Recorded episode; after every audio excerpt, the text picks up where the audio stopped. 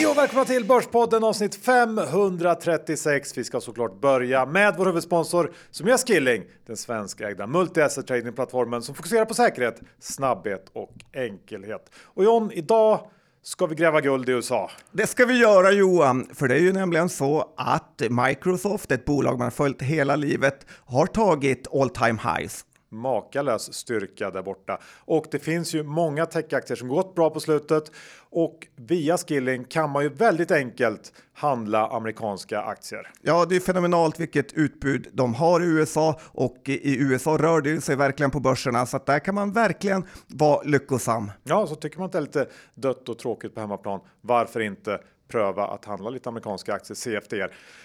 Och dessutom så kan man ju göra detta i kapitalförsäkringslösning eftersom Skilling har en sådan i samarbete med Hubin. Så allt om det kan man läsa i länken som finns i avsnittsbeskrivningen. Men kom ihåg att 82% av alla riktiga kunder får ha pengarna mellan CFDR så böckskilling.com för fullständig ansvarsfri skrivning. Och John, om man inte har öppnat ett konto än, hur gör man då? Då går man in på skilling.com eller laddar ner deras ypperliga app. Ja, och sen krävs det bara ett bank-id för att komma igång. Och med det så säger vi ett stort tack till Skilling! Det är mörkt där ute John. Det är väldigt mörkt. Det är inte så positivt, men eh, vad säger man? Vi kämpar på. Vi kämpar på och det ska vi göra den här veckan också. Häng med så ska ni få uppleva det.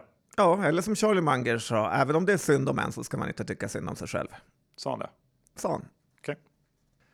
Vi är denna vecka sponsrade av Kala som ju är Sveriges enda elbilshandlare där du kan köpa, sälja och leasa elbilar och laddhybrider online. Och John, jag tror nog att de flesta vet att det här är folkets favoritbilhandlare med branschens nöjdaste kunder. Vet du vad de har i betyg på Trustpilot? Vi har ju sagt det här gång på gång för de gör de rätta sakerna. De har ett svinhögt betyg. Ja, 4,9 av 5. Det är ganska så bra. Ja, det är väldigt, väldigt bra. Och som du var inne på, de har det här höga betyget för att de ger kunderna vad de vill ha. Och vet du vad de har gjort nu? Berätta för mig. Ja, nu har de ju breddat erbjudandet med privatleasing av lätt begagnade bilar med kort och flexibel avtalsperiod på 12 till 24 månader. Det är sånt som vi finansmän älskar. Man slipper binda massa kapital och får en toppbil på köpet. Ja, så i klarspråk så får man alltså en elbil begagnad men i toppskick utan kontantinsats eller uppläggningsavgift till oslagbart låg och fast månadskostnad och med fri uppsägning efter 12 månader. Och som alltid med Karla, gratis hemleverans och såklart service i världsklass. Är väl inte så mycket att fundera på John? Det är inte mycket att fundera på nej. Nej, så surfa in på karla.se och det är Karla med C och kolla själva. Vi säger stort tack till Karla! Johan Dr. Bass Isaksson Index är i 2216 Eh, det är lite sorgens dag. Charlie Munger är död 99 bast. Det finns otroligt många bra saker han har sagt och han har gjort så att eh, ja, det blir lite pinsamt om vi ska sitta och eh, liksom försöka fylla ett avsnitt med det. Men vi får skicka en hälsning och hoppas att han har det bra uppe hos börsguden. Ja, det tror jag han har. Ja, så jag hoppas du har det bra där Charlie. Men Johan, som sagt, index 22 16 navigera oss igenom det här. Men jag tycker nu har det varit några sega veckor på börsen, har det inte det? Verkligen segt. Känns dött.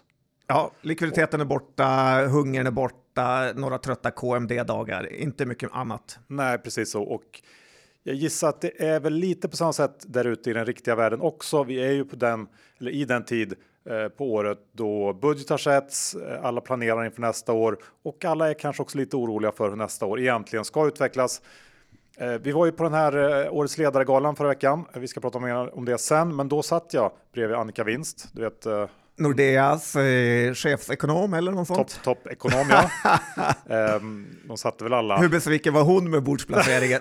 de satte väl liksom alla av samma dignitet sam runt samma bord så att det blev vettiga diskussioner. Men den här men. Men vi ska gå prata mer om det sen. Eh, men hon sa i alla fall att eh, hon är ute och träffar väldigt mycket bolag och kunder till Nordea och som sa att det börjar komma in fler och fler signaler om svagare efterfrågan även i USA. USA har ju lyckats hålla trycket uppe oväntat länge, men nu börjar även det alltså vika och min känsla är att det kan bli ett ganska tufft första halvår 2024 eh, då vi dels får den eftersläpande effekten från räntehöjningarna eh, som kommer att slå allt hårdare och dels då eh, att ekonomin som redan är på väg att sakta in rejält kommer att sakta in ännu mer. Så att det, det känns lite sådär eh, läbbigt inför H1 2024 tycker jag. Läbbigt Ja. eh, Johan Isaksson, årskurs 4. Nej men det är inte alls omöjligt. Vi har ju sett hur dollarn har eh, fallit väldigt mycket sista tiden och USA har ju nästan inte haft någon lågkonjunktur alls.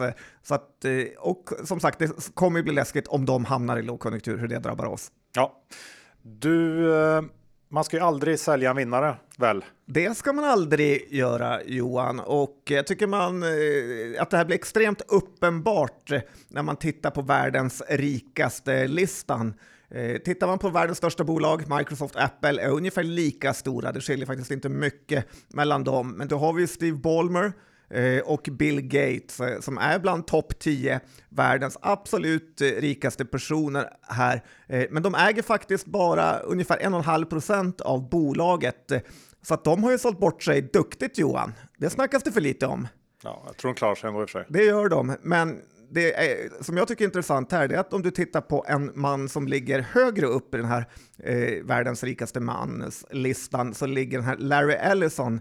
Eh, känner du till honom? Just det, Oracle. Exakt, eh, han som grundade Oracle och han har behållit eh, sina aktier i Oracle som trots att Oracle är värt en tiondel av vad Microsoft är så äger han fortfarande cirka 40 procent av bolaget och det gör att han är rikare än vad Bill Gates är faktiskt. Det tycker jag är lite kul. Han äger också 1,5 procent av Tesla. Eh, Så att förstå hur rik Bill Gates hade varit om han inte hade sålt bort sig Johan. Ja, nej, men, eh, nej, men så är det ju och eh, de största misstag man har gjort själv handlar ju inte om att man förlorar massa pengar på något dåligt case här och där, utan det är väl snarare att man sålt de bra grejerna alldeles för tidigt. Så är det. Lite som du i Firefly. ja, där har jag ändå hållit i får man säga.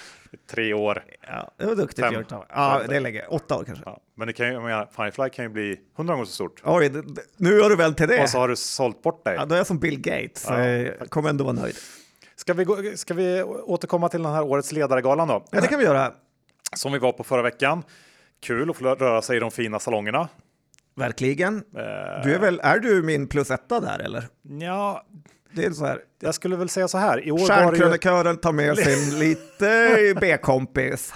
I år var det väl lite omvända roller. Mm, berätta. För vi hittade ju dig John på barnbordet. Någonstans i periferin av lokalen.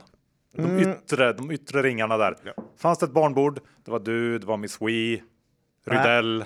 Just det, det Var var. Nordnet-chefen. Ja.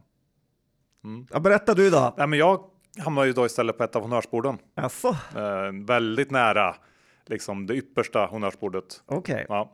Och, eh, Annika Winst, vem ja, mer? det var Annika Winst, Ann Grevelius, Trevligt. Hon gillar man ju. eh, TP Joel, miljardärspojken. Ah, Ja, idel, den typen av. Så att, ja, jag känner väl att eh, Benson har rättat till saker kan man säga. ja, men där vann du faktiskt. Ja, Får jag bara säga en sak när du ändå tog upp eh, Joel där? ja, Att, eh, alltså jag har ju ingen kompis från eh, Skåne. Eh, så är det ju.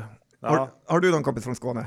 Man har ju väldigt lite med den regionen att göra på ja något sätt. Om man kommer från... Nästan som att de var danskar. Ja, och den här Joel Eklund, jag har liksom inte förstått eh, hur stor han är i den regionen. Alla från Skåne har ju honom som någon typ av eh, idol. Som någon slags guvernör där nere. Ja, han äger TP, han äger Hövding. Eh, det var en bra intervju med honom här i DTV nyligen där han var riktigt förbannad på eh, vad eh, staten gör mot Hövding.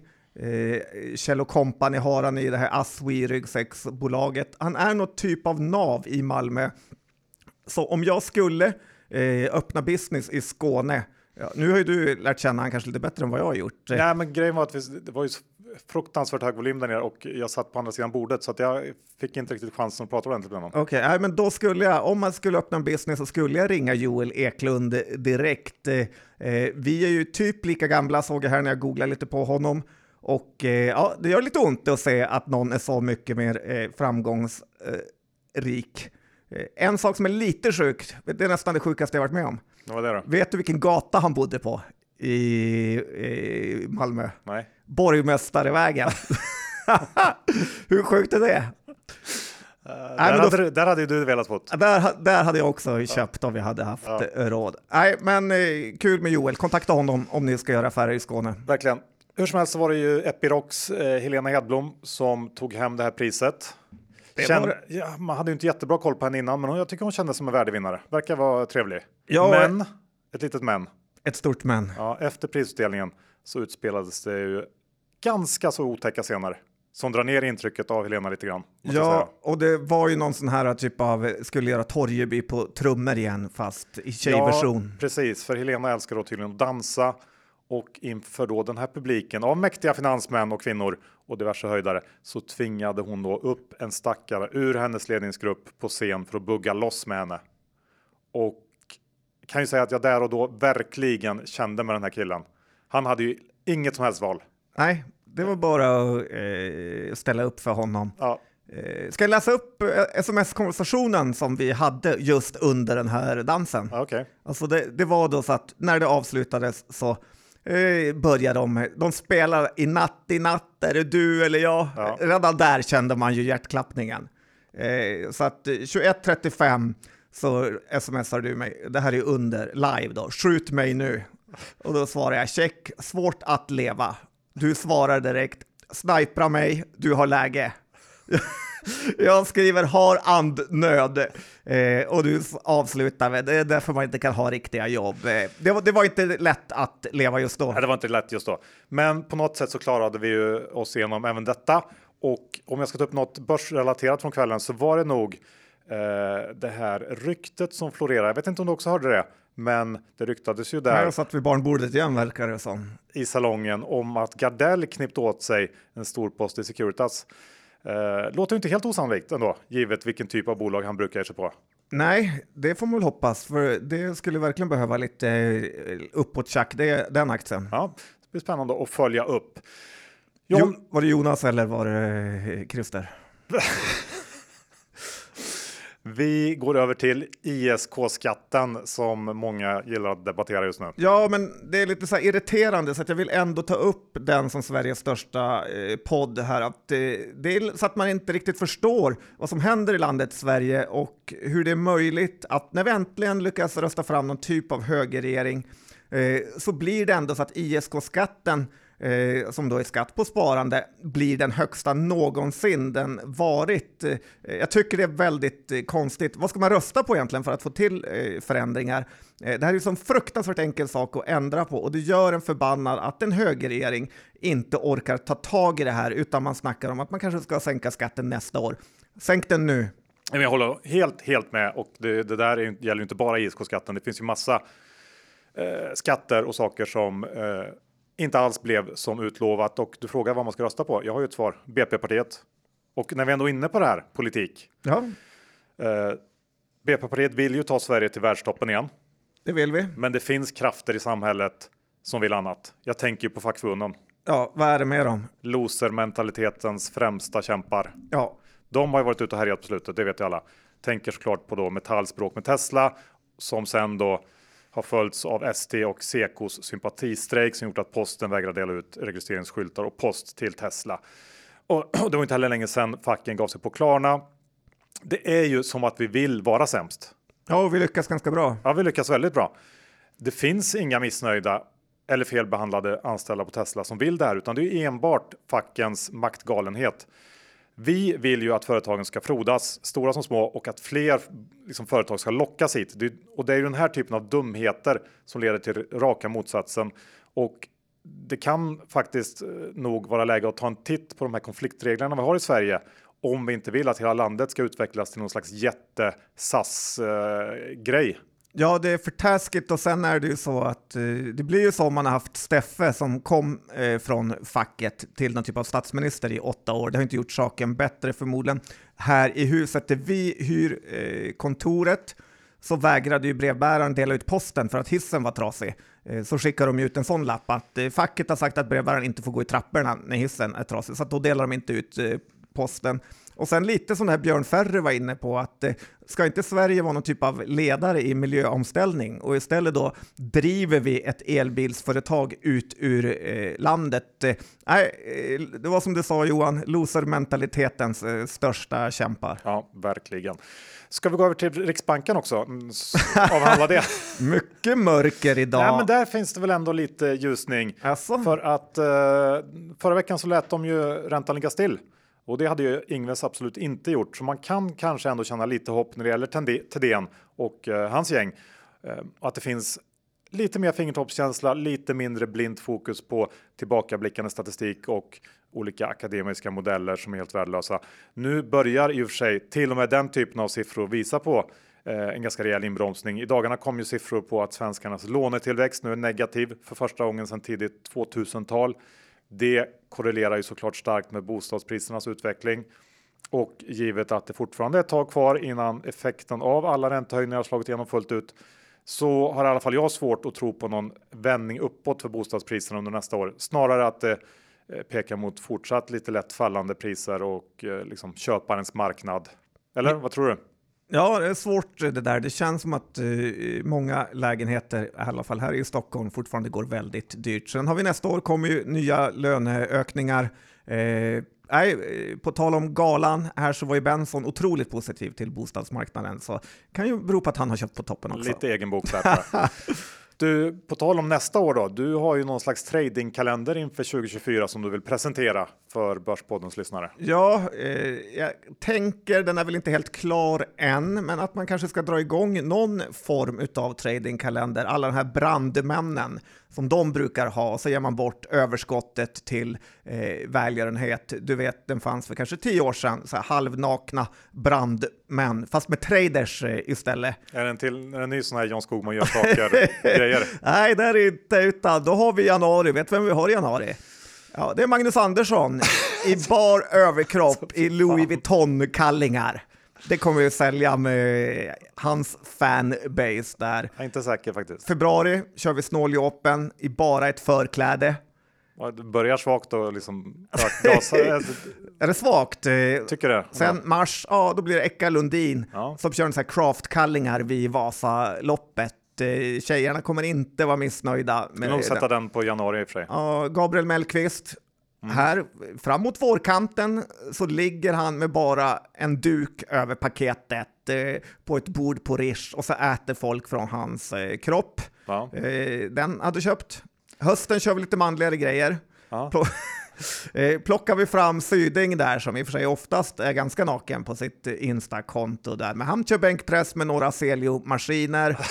Eh, och i december då så avslutar vi med John Dinkelspiel som Lucia eh, med sitt långa hår. Eh, tror att den här hade sålt någonting? Tycker att det låter som ganska bra. Jag skulle kanske ändra lite här och var, men eh, visst. Kanske vi också ska ta en liten roll i den här. Kommer 2025. Kul! Redan en vecka sponsrade av Kliens kapitalförvaltning och John Läste du den här artikeln på Morningstar i veckan? Det gjorde jag och det gjorde jag med glädje kan man säga, för där stod det hur viktigt det är att välja Sverigefond med omsorg. Ja, och Morningstar har ju då tittat på de fem bäst presterande Sverigefonderna de senaste fem åren. Såklart hittar vi ju Klients småbolag i toppen som även vann då kategorin bästa svenska småbolagsfond i den senaste upplagan av Morningstar Fund Awards.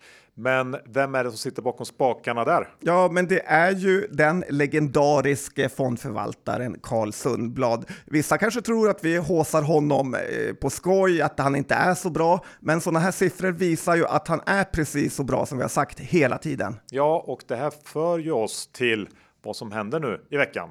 30 november. Ja, för då lanseras ju Klients nya fond Small and Microcap med Carl Sundblad och hans nya förvaltarkollega Johanna Ahlqvist vid rodret. Ja, det här ska bli otroligt spännande att eh, följa med på den här resan. Ja, så att eh, vill man veta mer om den här fonden, då tycker jag att man går in på kliens.se, scrollar ner och anmäler sig till nyhetsbrevet så kommer det löpande mer information om fonden och var och hur du ska göra för att investera i den. Men kom ihåg att historisk avkastning det är en garanti för framtida avkastning. Pengar som placeras i fonder kan både öka och minska värde och det är inte säkert att du får tillbaka hela det insatta kapitalet. Och med det säger vi ett stort tack till Klients kapitalförvaltning. Vi är denna vecka sponsrade av Cameo, investeringsplattformen för säkerställda fastighetslån med ABG Sundal Collier som huvudägare. Och John, jag har ju pratat om det här förut, men måste ta upp det igen. Vet du vad det senaste kvartalets genomsnittsränta för Cameos investerare var? Jag vet inte, men jag hoppas den är hög och jag litar på Cameo att den är det också. Ja, den är hög. 10,7 procent, vilket är imponerande. Och man ska också ha med sig att varje lån som presenteras på Cameos plattform har noggrant analyserats av deras team av branschexperter och för att ge en extra säkerhetsnivå är också alla lån säkrade, oftast då genom fastighetspant. Och jag tycker också det är värt att notera att sen Cameo start 2016 så har det inte skett några kreditförluster i Sverige. Nej, det är helt otroligt. Och det här har ju kunderna snappat upp med, för det är ju väldigt populärt att eh, signa upp sig på de här lånen. Ja, och nu tror jag att det kommer bli ännu populärare, för Cameo har ett erbjudande, en unik möjlighet för dig som överväger att investera via Cameo. Och det här erbjudandet går ut på att när du gör din första investering hos Cameo så kan du ta del av en välkomstbonus på 500 kronor. Investera minst 15 000 kronor i ett svenskt lån på cameo.se så får du 500 kronor insatta på ditt Cameo-konto som en bonus. Ja, och det finns ju inga som gillar gratis pengar mer än Börspodden, så Nej. utnyttja det här. Jag tror faktiskt inte det. Så att verkligen ta tillvara på den här möjligheten. Erbjudandet gäller fram till den 31 december och för att utnyttja detta erbjudande så måste du antingen registrera dig som ny kund hos Cameo eller vara en existerande kund utan att ha gjort någon tidigare investering. Eh, Så att eh, för att ta del av det här erbjudandet och läsa mer om information och villkor så ska man besöka cameo.se kampanj. Men kom ihåg att historisk avkastning inte är någon garanti för framtida avkastning. Din investering kan både öka och minska i värde och det är inte säkert att få tillbaka det investerade kapitalet. Och med det så säger vi ett stort tack till Cameo! Som vi sa förut Jan så är det ju lite halvdött på bolagsfronten nu, men idag så har det ändå hänt lite saker att prata om. Kindred rapporterar ju sin Q3 idag samtidigt som man då också gick ut med i alla fall det första resultatet av den här strategiska översynen som påbörjades i våras. Och om vi börjar med siffrorna för Q3 så var det ju ingen kul läsning. Eh, I och för sig väntat att det inte skulle gå jättebra, men Kindred kom in långt under estimaten och dessutom så har det fjärde kvartalet börjat svagt. Eh, men så gick man ju även ut med delar då av vad man kommit fram till i den här översynen och eh, inte helt oväntat har man kommit fram till att man ska dra sig ur den här nordamerikanska satsningen. Konkurrensen är helt enkelt för tuff, eh, Kindred för litet och USA-satsningen har ju känts som ett dödfött projekt från början egentligen. Och det här borde varit- ett ganska lätt beslut att ta, Eh, även om man lagt ner mycket pengar på att försöka växa i USA. Och utöver det så genomför Kindred ytterligare kostnadsbesparingar. Under 2024 så ska antalet min anställda minska med över 300 personer, inklusive då de som försvinner när eh, USA läggs ner och det här ska leda till besparingar på ungefär 40 miljoner pund och fokuset ska nu då flyttas till ett antal tillväxtprojekt på bolagets kärnmarknader. Sen guidar Kindred för nästa år eh, ett justerat ebita på eh, omkring 250 miljoner pund. Eh, det tycker jag också är en besvikelse tyvärr givet alla besparingar och det är under vad eh, konsensus ligger på innan det här. Och spontant så får man nog säga att resultatet från den här strategiska översynen eh, är en rejäl besvikelse. Inga större grepp går man ut med, till exempel försäljningar av delar av bolaget eller skrotning av sportboksprojektet, utan man gör det absolut mest uppenbara. Och att sitta och fundera i sju månader och sen komma på att man ska lägga ner USA och kicka massa folk, det är inte imponerande. Eh, Corvex, den här fonden, vill ju sälja hela bolaget och chanserna att göra det tror jag skulle öka rejält om man drog det här plåstret och avvecklade utvecklingen av den egna sportboken. Eh, förutom att man redan har en bättre och billigare lösning i Kambi så vet vi att en eventuell köpare av Kindred redan kommer att ha en sportbok med absolut största sannolikhet och vi vet definitivt att den sportbokslösningen inte kommer att vara Kindreds egna. Så att om man tittar på Kindred ur någon slags budgivarperspektiv så är ju den egna sportboken något som bara är negativt och som man direkt som köpare då kommer att behöva göra sig av med. Jag tror att det avskräcker en hel del budgivare och dessutom så drar ju den här satsningen ner resultatet en hel del. Så vill man maximera ett eventuellt bud så är det ju en no-brainer att lägga ner den här satsningen, maximera resultatet ehm, och nu skriver man ju för sig att den här översynen fortfarande pågår. Det är mycket möjligt att man till slut kommer fram till ungefär det jag kommer fram till. Men idag så går ju aktien ner och det tycker jag är fullt befogat. Ja, det här var ju otroligt eh, dålig rapport. Man trodde knappt att det var sant när man såg siffrorna och det låter ju absolut inte som att de kommer satsa på någon sportsbok när de ska kicka 300 pers, utan ja, kanske är du som ska ta över och styra upp det här skeppet, eh, Johan, innan de har seglat bort sig fullständigt. Ja, nej, det känns som att nu får man ju öka farten lite grann i det här. Eh, som sagt, inte alls imponerad av vad som presenteras idag och eh, ja, vi får se hur de ska lösa det här framöver. Tycker ändå att det är imponerande att ett bolag som eh, Unibet eller Kindred med ett börsvärde på 20 miljarder tycker att man är för små för att gå in på USA-marknaden. Det säger ju en hel del om våra mikrobolag som försöker göra USA-entré. Hur otroligt eh, svår och konkurrensutsatt den marknaden är. Ja, verkligen. Eh, men, men, eh, tråkiga nyheter från Kindred. Det kom ju ingen rapport från Viaplay heller som lite väl var också ett dagens main event.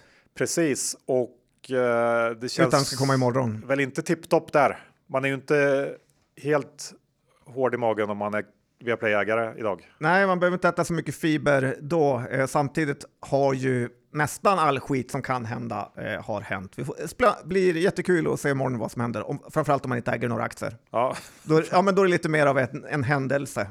så är det. Eh, någonting lite mer, mindre upphetsande John, det är ju Cloetta.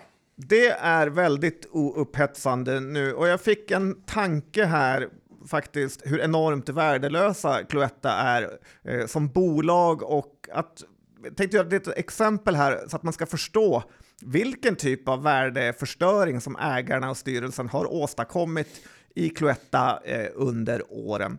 Eh, tänk så här. En kexchoklad eh, kostar på de absolut eh, billigaste ställena 6 eh, kronor. Varje kexchoklad är 60 gram, så att det blir 100 kronor kilot. Eh, Tittar du då på ett bolag som Scandi Standard eh, som säljer sin kycklingfilé på Lidl, såg jag här, för 89 kronor per kilo. Förstår du sjukheten i det? Vad fixar du helst eh, fram?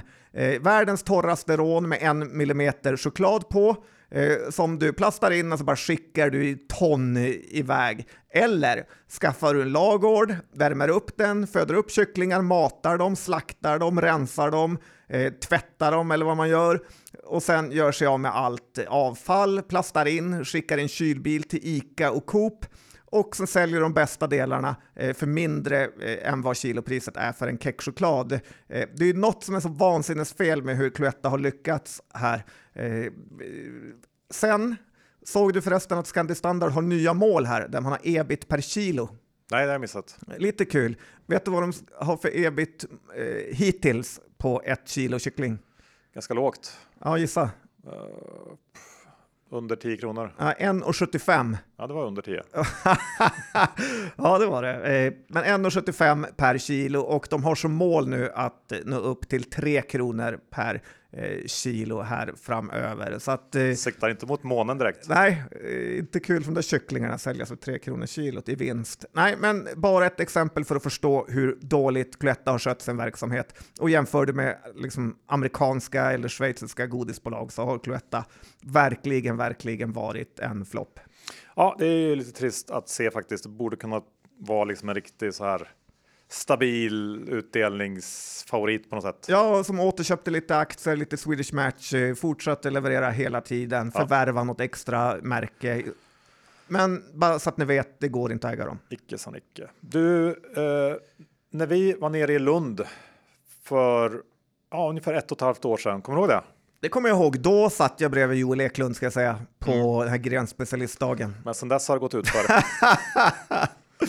jag har gått förbi. Men då satt du bredvid något barn där va? Nej, jag satt, det var ju då. Mm. Vi har pratat om det här, vi behöver inte ta det igen. Ja, men jag, jag kände så här revanschlusta för du var så taskig med mig. Men eh, kom ihåg att det var två bolag som verkligen var i ropet då. Det var Catena Media som verkade bli uppköpt och så var det Bone Support som precis hade fått marknadsgodkännande i USA för sin sån här ceramentprodukt som på något sätt går in och ersätter kroppens egna skelett när det behövs. Var de och pratade där eller är Nej, de bara från Lund? jag pratade med vdn ganska länge faktiskt i Bone Support då. Okay. Som var extremt håsad och positiv till framtiden. Mm. Det var ju rätt. Vi lockades ju såklart av möjligheten till ett snabbt bud i Catena Media och hoppade ju helt över, hoppade helt över det här Bone Support eh, caset. Jag vet även att, att Alkur-gänget var ju väldigt positiva till Bone Support. Eh, och Catena Media ska läggas till. Ja, det är. Okay. Största ägare, där. Men, helgardering. Men eh, som sagt, vdn pratade jag med. Han var ju helt säker på att det skulle bli en succé och det blev det. Aktien är upp ungefär 200 procent sedan dess och i år har ju försäljningen verkligen lyft. Eh, nästan dubblats. Bolaget tjänar nu hyggligt med pengar och mer ska det ju bli för igår höll bolaget en kapitalmarknadsdag där Bone Support gick ut med en ny guidance. 40 eh, ska de växa under 2024 och det ersätter det man tidigare sagt eh, att man ska växa 40% i snitt per år 2023 till 25 och eftersom de har växt så otroligt mycket i år så känns det väl rimligt att tajta till den här guidningen. Eh, och eh, givet att då bruttomarginalen ligger en bit över 90% så kommer ju den här starka omsättningstillväxten såklart innebära att i princip allt rinner ner. Eh, det blir ett rejält lönsamhetslyft kommande år. Eh, aktien är såklart jättedyr, både sett till årets och nästa års siffror, men som vanligt, om tillväxten kan fortsätta i många år framöver så kanske är det rätt. Den här typen av case brukar också gå mycket längre än vad man tror och man får ändå säga att det är kul för Sverige med en succé i den här branschen, även om det inte är någonting för mig. Eh, det var ju på grendagen man skulle köpt på något sätt, inte nu. Nej, lite så. Men... Kanske går att köpa den också.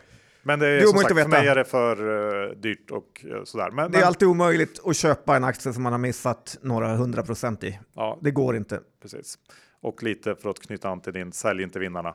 Så man skulle köpt och behållt. Oh. Ja. Bra du... tips här från Börspodden. Köp och behåll, kan ringa in Per H, sitta han och säga samma sak i fyra timmar. Vad säger Rogga Akelius om det då? Ja, han är väl Sveriges största egoist, börjar jag få en känsla av här nu faktiskt. Mannen som bara snackar i egen bok har gjort det igen. Först lurade han ju på Heimstaden, alla, hans egna bostäder och indirekt Alekta och straffade svenska pensionssparare. Efter det var han inne i Castellum och gjorde allt för att snacka ner kursen för att sen köpa.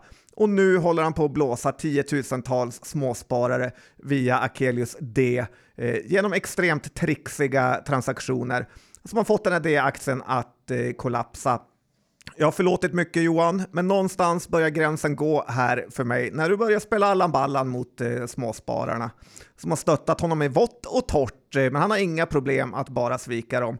Och jag tycker så här, man ska inte ge en endaste spänn till hans eh, välgörenhet i år, där han på något sätt försöker greenwasha sig själv hela tiden, samtidigt som han bara skor sig. Eh, DI älskar och hyllar honom. Det är liksom kan trava hyllningsreportagen de har skrivit om honom. Eh, men man ska komma ihåg att det är svenska folket han blåser gång på gång och bara tänker på sig själv. Eh, så att, jag är ganska trött på Rogga just nu, ska jag säga. Ja, kan det också vara för att han, du känner att han svek dig specifikt? Ja, det känner jag också. Ja, ganska mycket så kanske du känner. Ja, och jag är lite liksom ledaren av småspararna, så ja. jag känner det.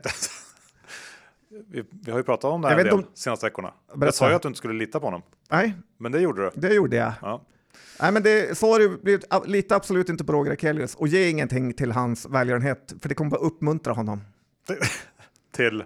att fortsätta vara ond, för han kommer undan med det hela tiden. Okej, okay, okay, Ja, bra, då har du fått det sagt. Eh, ska vi gå över till, ja, vad ska vi ta? Ett bud eller mikrobolag? Ja, vi kan väl ta lite mikrobolag. Ja, för du kikat Vill du ta mikro, mikro eller halvmikro?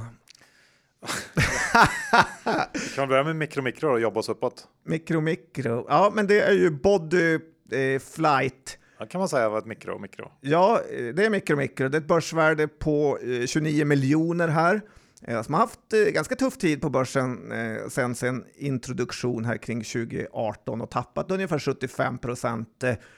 Men nu kommer man med en väldigt fin rapport här. De har ju såna här flygtunnlar i Bromma, har du provat dem? Nej. Mina barn har tjatat sönder om att vi ska testa dem, men inte orkat. De har sådana i Göteborg också. Eh, dessutom är man delägare i något typ av VR-bolag, eh, så att man går runt med glasögon och eh, liksom slåss mot eh, saker. Men, och nu ska de gå till att bli något typ av upplevelsebolag här. Känns ändå ganska rätt i tiden. Eh, du kommer ju aldrig våga hoppa fallskärm, men, men, det vore ju ändå något härligt att testa och flyga. Eh, det skulle du inte vara rädd för. Nej, inte rädd för. Nej blåsa men jag är inte men du vill inte att det ska blåsa på det heller. Nej, men det här är ju ett event för mycket svensexor och eh, företagsevent antar jag. Eh, det är inte direkt så att man har flyga vindtunnel som hobby. Eh, men det var, som var lite kul här var ju att i vd-ordet eh, i slutet eh, så stod det så här eh, för er som har orkat läsa ända hit, eh, det gillar man ju då. Den här snubben, han vet ju att inte jättemånga läser Bodyflights vd-ord. Så vill jag bara säga att jag är extra positiv till framtiden. Tyckte jag var intressant. Jag har köpt lite, lite aktier här bara för att hålla koll. Och man är alltid misstänksam mot de här mikro mikrobolagen som kanske har börsvärde under 100 miljoner. Men jag tycker ändå att det här eh, skulle kunna ha något eh, faktiskt. På vilket sätt skulle det här kunna ha någonting? Nej, men de tjänar pengar. Eh, ja, men det är ju en korvkiosk också förhoppningsvis. Ja, det här men, är ju liksom inte ett börsbolag. Det här är ju definitionen av att notera en, en korvkiosk. Det är ju ett litet, litet familjeföretag på sin höjd som kanske kan liksom bära lönerna för en handfull anställda ungefär. Ja, det är Det är möjligt att du har... Ja, på börsen, kan, alltså det är förmodligen inte så dyrt att eh, ha eh, sådana här bolag noterade på typ... Nej, eh, nej, men det finns ju ingen mening med det. Aktietorget. det är helt, det är ja, det går att handla aktierna. Det är enkelt att göra Jo, det kan man göra, men jag menar. emissioner. Ja, Eh, ja, men du Ja, det- behöver inte köpa. Jag nej, det kommer jag definitivt inte göra. Bara, du kommer ju missa många bra bolag. Du får ju tänka att när du har under en eh, typ åttaårsperiod dissat eh, Firefly Ja. som har gått från 100 miljoner till en miljard. du kan ju liksom inte välja var- nålen ur höstacken. Jo, för att jag valde det. Och nu har jag tittat på ett till bolag. Så att jag säger, om du är alltid negativ Okej. kommer du inte hitta Nej, något. sorry. Det stämmer. Ja, så Ja, säg ja, förlåt. ja. Nej. Eh, poolbolaget Gullberg Jansson då, vill du höra om det? Ja, det vill jag. Eller har du något emot att bada också? Är du rädd för att bada med? Nej, jag kan tänka mig att bada ibland. Även så här, eh, de har ju eh, använt den här pandemiboomen till att eh, förstöra sitt egna bolag genom förvärv och bygga lager. Ganska snyggt jobbat. Vad skulle du säga värst? Att skaffa pandemihund som Peter Benson eller att bygga monsterpool till nollränta som Martin Blomgren? På Oh. placera. Mm. Jättesvårt val. Är det taskigt att jag säger Martin Blomgren på placera? Att, han, liksom- att det gör honom mindre känd? Jag måste hela tiden lägga till det. Jag skulle väl ändå säga att jag tycker att pandemihunden är värre. Ja, men den kanske är eh, värre. Men Martin Blomgrens pool, den är ju sinnes, vi har pratat om den förut. Den är stor ja. Bygglovet var ju uppe i Högsta domstolen innan det gick igenom. Ja. Förändrade stadsbilden i Sollentuna. Eh, ja. nej, men undrar om han kan få det här vd-jobbet på Avanza nu?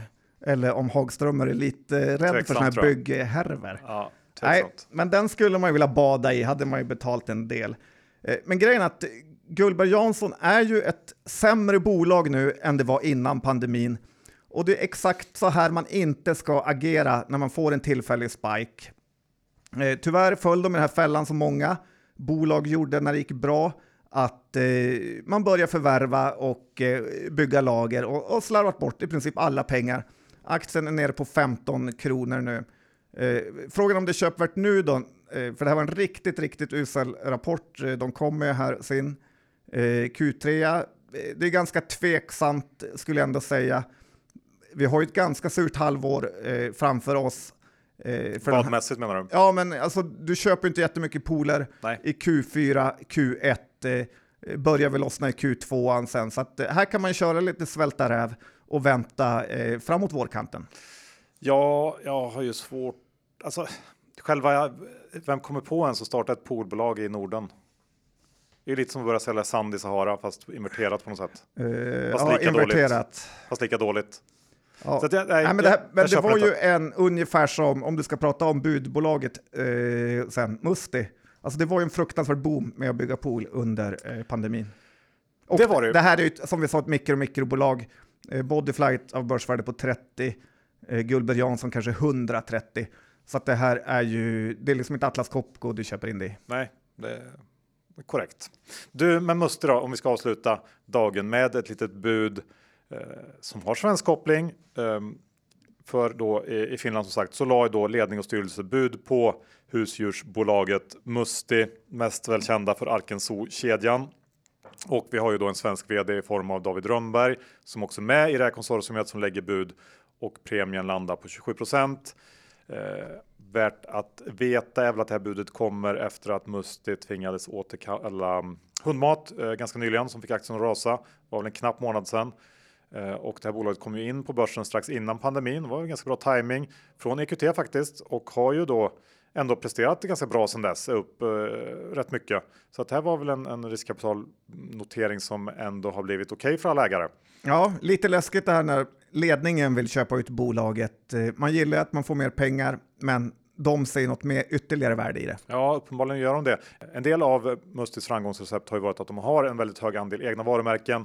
Det tillåter höga marginaler, men med det sagt så är ju det här ingen billig aktie och med budpremien på nästan 30% så är väl som jag ser i alla fall aktien mer än väl fullvärderad. Eh, jag tycker att det bara att tacka ja till det här budet. Eh, men så är jag ju ingen husdjurs eh, liksom påhejare heller. Nej, kanske Benson har några aktier. Jag såg att Ente Fonder hade en stor stek här, så grattis till dem. Grattis! Och nu John ska vi också köra en liten Asien-uppdatering. Vi har träffat Catherine Young från Fidelity och jag tycker att det här är värt att lyssna på, framför allt för att hon har en eh, lite contrarian eh, syn på Kina just nu och hon berättar varför det kan vara läge att börja investera i Kina nu som ju har varit ganska hatat får man säga eh, under det senaste året. Ja, och väldigt eh, lågt eh, värderad med och Catherine Young är ju verkligen en av de som kan väldigt, väldigt mycket om det här eh, området. Om inte annat kan man alltid lyssna eh, för att eh, ja, håna vår engelska Johan. Ja, verkligen. Så det är win-win. Win-win. Här kommer det. Okay, Catherine Young from Fidelity, welcome back to Börspodden. Hello, good to be here. Nice to have you here again. Today we're going to speak about Asia uh, and different parts of Asia, but let's start with China. What's happening in China right now? So, in China, we continue to see policy support, but it's incremental. So, it's tweaking where the economy or society might need some support. I think when it comes to the market, I mean, we're seeing such very cheap valuations. And I don't want this to be about a valuation story, but essentially there are so many good opportunities trading at such low multiples. So from a market perspective, again, we really do need to see a pickup in earnings to really sort of see uh, sort of a floor in the market. But when it comes broadly speaking, I think it's about resetting of expectations and that China's not going to deliver the same kind of support that we're used to. How come China has been so slow uh, last uh, couple of years? I think again it goes back to the property sector as well as we just haven't seen these big bang policies that we're so used to. So I think it's a bit of impatience from a market perspective in terms of just the recovery itself. You know, the crisis, if you want to label that in China as a crisis, it's not about a financial crisis. It's more about a, a crisis of confidence. Can't forget that the household savings rate's high. It's like 37%. So it's the willingness that we need to see come through in terms of consumption. And how is the Chinese uh, relations with the rest of the world, like US? So we did see somewhat of an improvement sentiment wise after we saw uh, Biden and Xi Jinping meet at the APEC summit. But there wasn't anything concrete in terms of decisions that came out of this. And again, if we look at the relationship between the two superpowers, I mean, they're both competing from a market share point of view, from a global point of view. And so I think that as China makes no secret about climbing up the value chain in terms of high end manufacturing, you're going to get these periods of market volatility because of the competition between the two countries. If uh, Trump uh, wins the election, will it be worse or better for the relations between the US and China? I think from a Chinese perspective, uh, you know, they're familiar with Trump and, and the Republican style of, of, of, sort of policy making and foreign relationships. So I think going into next year or going into the US elections, you know, there's going to obviously be a period of, of what's going to happen over there. But I think from a China perspective, you're going to have these same kind of nuances uh, despite who's, you know, which party is in place in the US. But going into this year, the market was hoping for a, a, big recovery in China, you can say. What happened? Why did that not uh, materialize?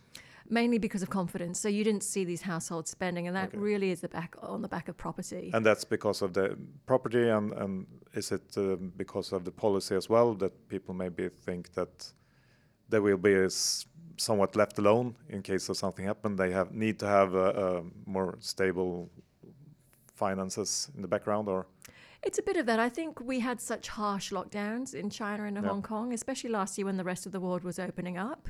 So that's there's that sense of maybe not wanting to spend, maybe that sense of not wanting to spend because we could see a, a dip in uh, the global economy, which I think is important to make note of.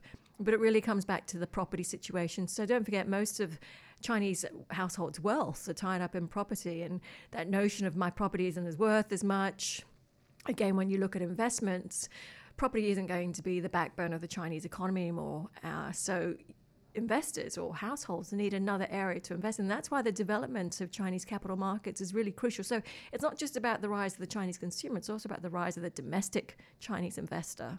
You talked about uh, COVID. Uh, we heard uh, stories about a new uh, lung disease from China. Is that uh, something to be scared of? No, I wouldn't say scared. I, and I think the World Health Organization, in conjunction with the Chinese health authorities, are closely monitoring to make sure there's no sort of nuances in terms of a new strain. But don't forget, this is the first winter we've had in China for many years, or you know, since 2019, where we haven't had a, some form of a lockdown. Hmm. Looking into next year, then in China, uh, what do you think will happen? You know, the argument about Japanification, that China's going to have lost decades like Japan.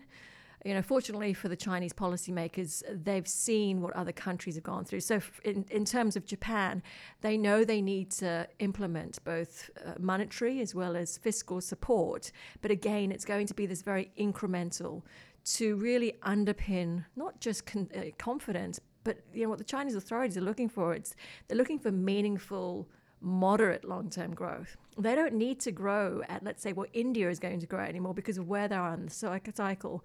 And I think that's really important for investors to understand or doing business in China that China has gone through that massive growth spurt and now it's about moderate growth. And as I said, when we look at the companies, I mean they're really delivering in terms of strategy. When you talk about lost decades, like in Japan or China mm-hmm. now, is that always because of the property sector? Yes, and so many people are uh, making comparisons between the Japanese situation. So, you know, the dive of about 80% in Japanese uh, property prices, the property prices going down in China, the stock market going down in Japan in the 80s and 90s versus China. But again, I think they're different periods, especially when you look at currency. And especially when you look at, like in Japan, you know, inflation isn't a dirty word anymore. So it's good inflation. And in fact, from a corporate governance perspective, you've seen these changes implemented by the Tokyo Stock Exchange. So basically encouraging companies to increase their price to book, to reward minority shareholders through dividends. And it goes quite unnoticed, but many state owned enterprises in China are doing just this.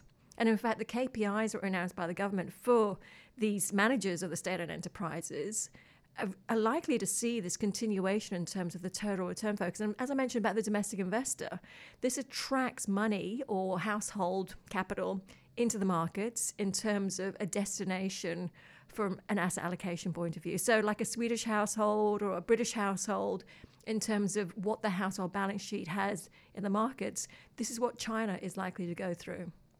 It seems you are very positive uh, about uh, to invest in China. Is that correct? Look, in fairness and full disclosure, I'm a bull, and it's a very lonely place being a bull in China. But in order to have an opinion like this, you've got to understand the bear side of the argument. And the bear side of the argument, uh, you know, I totally agree with in terms of China's growth model was unsustainable in terms of the amount of infrastructure they were spending, in terms of the property situation. But then what was the solution? So, technically and economically speaking, what the Chinese policymakers have done makes a lot of sense because they couldn't just keep on building all these apartments that were empty. And when you look at the property situation in China, it's not like other countries around the world. We don't have that debt. As I mentioned, the household savings rate is quite high. The problem in China was you didn't know whether you were going to receive your property because your private developer was going bust. So the projects weren't being completed. So, what's happened in China is that the state developers, who behave very differently in terms of how they do their projects and the pace of the projects, they're now taking over that development so that the residents or citizens of China receive their apartment. So, from an investment perspective, you're probably going to see a consolidation or a further consolidation, and the state developers will pay you a very good dividend yield they'll give you some form of capital appreciation. It'll be like blue chip investing in, in, let's say, Scandinavia or the Nordics or Europe. And so it's not going to be the same kind of binge we've seen in the property market. And so again, it's just this transitioning period that we need to be mindful of. But when you hear about ghost towns in China, like extreme big cities with that no one lives in, is that true or is that uh, fake news? No, no, no. It's totally true. It's it's very true. And so the abundance of supply will take years to play out. And so it will have a drag on the economy. And I'm not disputing that. It's just, I think, this notion that the property market is going to derail the Chinese growth story. I, I, don't think that's correct. And in fact, when you look at post the Asian currency crisis, so the late 1990s, the Chinese banks, now they were in trouble at the time. And what you saw happen were the policymakers basically remove that debt from the state banks create what we call uh, asset management companies, so AMCs, and then they injected the banks with capital. And the banks are what they are today. So I think that period was a lot more problematic that the policymakers got through again, this property situation, it's not that people can't afford mortgages, it's about that confidence element relating to the developers. How much have, have the, the property prices declined uh, since the peak? It depends on uh, city by city, but overall there's been a decline. And what we're seeing now is. But is it like 20 or oh, no, 40? It's more. It's, it's more, especially in some of the lower tier cities. So, you know, we tier our cities in China. So top tier cities like Shanghai, second tier, etc., etc. That's why you're seeing so much policy support, support, especially in the top tier cities, because then it then trickles down. There are some provinces, though, because you've seen the local governments really manage policy accordingly, you're seeing some incredibly recovered cities, I should say, property wise. So we can't also forget China's such a big country, so it really differs province by province. Okay, um, what about Japan then? Japan has been uh, on hot topic uh, for the last year. Many, like Buffett, has been investing, and it's been on the rise. You can say. Yep, indeed. And you know what we're seeing in terms of especially that corporate governance trend, I think that's here to stay, and it's it's really good. And when you speak to Japanese corporates, they've changed in terms of like Korea tends to have quite low corporate governance standards. So it'd be great to see like the Korean authority make authorities implement policies that you've seen the Tokyo Stock Exchange implement. But in terms of this long term change, I think it's definitely there. Now, this year you've seen a lot of the large cap value Japanese companies outperform. In fact, when you look at some of the fundamentals, so let's say autos as an example, the Chinese auto uh, manufacturers are actually miles ahead, no pun intended, in terms of innovation when it comes to EV, when it comes to exports. So, this next wave in Japan is probably going to be your smaller companies and your more growth oriented companies. Don't forget, also in Japan, demographically, on the demand side, internet penetration is significantly lower than other countries or economies around Asia. So, you've got the supply side coming through as well as that demand side. Okay. Yeah. Uh, and then uh, we are interested to hear about India. India is uh, also really hot now. It's, I, I, at least I think so. It feels like that. You read a lot about India and uh, how the market is growing, and it's taking over a lot of uh, business from China. Maybe. What's your view on, on India and what's happened? There are some really interesting longer term structural opportunities in India, but I don't think we can just simply say India is going to be the new China uh, for many, many reasons. Uh, but at the moment, India is trading at very high multiples. So there's almost no margin of safety. We have an election next year in India and places like Indonesia as well. And it's almost like investors aren't factoring that in. So it's at the other end of the spectrum when it comes to China in terms of multiples. Areas that still look interesting, though, are the financial services uh, space because we're seeing the evolution of the middle class, people using bank accounts and, and banking and the mutual fund industry growing. Uh, but you know, you mentioned FDI or, or manufacturing, and a lot of that low end manufacturing, China is actually being trying, or I say it's trying, but it's actually been almost saying no to because it's climbing up the value chain. And so that's why places in ASEAN and India have been taking a lot of that FDI. And from a, a demographics perspective, we do need to see job creation, especially for the young in India and the unskilled. Uh, so you know, there, there are a lot of issues that Indian, India needs to overcome. And that's why, again, I think it just feels a bit too euphoric at this point in time. But if you look at the big companies in the world, there are a lot of Indian CEOs in those uh, companies. Like they have, they're from uh, Alphabet, Microsoft, YouTube, Adobe, IBM. Uh, great uh, school system, or what do they have in India? I think it's everywhere in Asia that sort of. Um, so the emphasis on academics, going overseas to study, then going back to your to your home country, and you know contributing to the companies from that point of view. You know, a big trend, in fact, when I I don't mean to just go back to China, but a massive trend we've seen this year is that Chinese companies are creating offshore customers. So you could have companies that have a domestic customer base, let's say an e-commerce platform. So China's maturing in terms of the consumption story. It's not that they don't believe in the consumption story anymore, but now they're garnering customers overseas and they're using their supply chain from China and maybe, let's say, the currency weakness to attract these customers. So you ha- almost have two avenues of growth for the business coming through. And you know whether it's in consumer, industrials, you're seeing it across the across the board in China.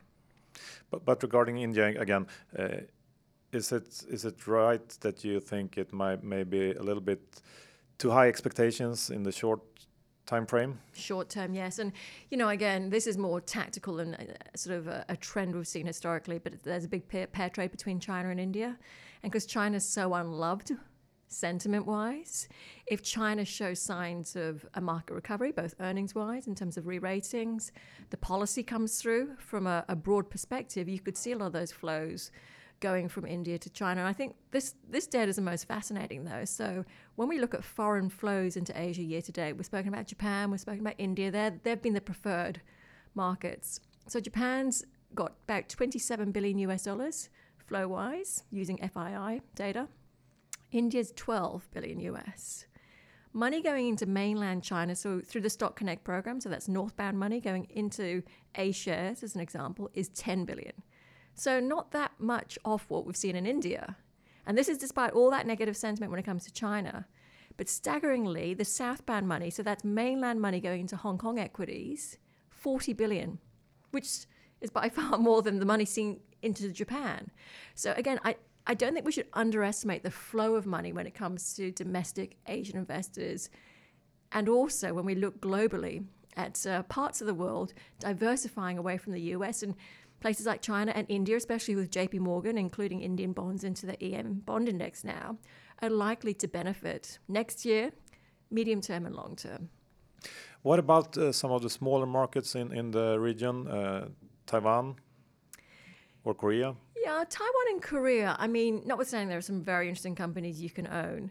But again, very broadly speaking, the enthusiasm or euphoria around AI as well as a pickup on the semi memory demand side, has seen the price earnings ratio in Taiwan massively increase. Yet we're seeing earnings deratings. So even if we see demand pick up, so much of this has been factored in. Even when you look at price to book, which is more of a neutral cycle multiple to use, it's expensive. So I, I think, again, those very thematic momentum driven markets or sectors you need to be mindful of. And it, it goes back to just really simply owning good businesses run by good management teams at a good price. If you have to rank the countries where you should invest, uh, how would you put uh, that uh, list? One to five? well, okay. I, I, think that Indonesia, from a complete risk reward perspective, looks attractive. What should you buy in Indonesia then? Uh, look, the consumer related names, some of the financial names. So it's got very similar dynamics to India. Some of the commodity companies in Indonesia look very favorable. The government's done some amazing things in terms of pro growth and, and pro business and pro economy. They've also got an election coming up next year, though, that you need to be mindful of. But just from that quality growth perspective, at a good margin of safety, Indonesia, I think China, just it's, you know, no matter what sector you look at, but being contrarian when it comes to China. I think making money in China like you used to, i.e., by owning five, let's say, tech names, is not going to happen anymore. It's about really understanding the fundamentals of the companies and the dynamics of policy as well. So I'd say Indonesia and China are the most preferred markets at this juncture and going into next year. And India on last place because of it's too expensive or? No, I think we have to be mindful of, of markets like Taiwan and Korea. How much should a Swedish household uh, have invested in Asia or China, would you say? At the moment, I, I think it would be very little. Um, so, uh, you know, the argument is that, you know, if you think that China isn't going to continue in terms of its place from an economic perspective worldwide, you know, you don't have to own it, but I, I just think at these levels, like China's just too big a part of the trade and economic system that we all live in today. How do the Asia uh, population see Europe now? Are we on our way down, or how, how do, do they have any respect for Europe, From a travel perspective or business? the business? I think there's an enormous amount of respect for, for European businesses. In fact, I did an event last week with one of the European, uh, I was on a European based panel, and there was someone from a Chamber of Commerce who was saying that, in fact, European companies are underinvested when it comes to manufacturing in China. And the relationship really needs to improve because, you know, this could be viewed as a positive as well as a negative. I would say that in China and Asia in general, whether it's Korea or China, the pace at which change happens is very, very quick. And China obviously can benefit because, from a manufacturing perspective, it's got all the infrastructure in place. So they're very quick to adapt, to make things better, pricing power. And that was this person's argument in terms of if you have a manufacturing hub in, in Asia, especially China, you can really help your product design as well as your sales and earnings. Great. Uh, thank you, Catherine, for coming uh, to visit us again and giving us an update on the Asian markets. Um, thank you. Thank you too. Slut på avsnitt 536. Vi säger stort tack till vår huvudsponsor Skilling. Se till att öppna konto om ni inte redan gjort det. Men kom ihåg att 82 av kunder får pengarna man alltså efter Skilling.com för att få sin ansvarsförskrivning. Och John, hur är det med egna innehav i veckan? Ja, nu ska vi åka vi. flygtunnlar så in i helvete. Nej, men lite bodyflight har jag där. Kanske Det känns att du är vilsen nu. Ja, kanske är. Eh, Achilles D har jag. bra. Kambis har vi något om det. Ja. Eh, har vi. Och, Lurad av Rogga och inlurad i vindtunnlar. Ja, Jag ska bara, jag ska bara, det ska, jag ska vara första i världen som har hobby att flyga vindtunnlar. Var där bara segla runt. Vem är den här killen som ligger i taket? Mm, John Skogman. Ja, I övrigt eh, tror jag inte det är så mycket va? Vi missar ju Bone Support nere i Lund och kom Ja. aldrig in. Ja, så kan det vara med det. Så kan det vara. Catena Media slipper vi äga i alla fall. Ja. Bra, tack för att ni lyssnade. Vi hörs om en vecka igen. Ha det fint så länge. Hej då! Ha det bra Charlie! Hej då!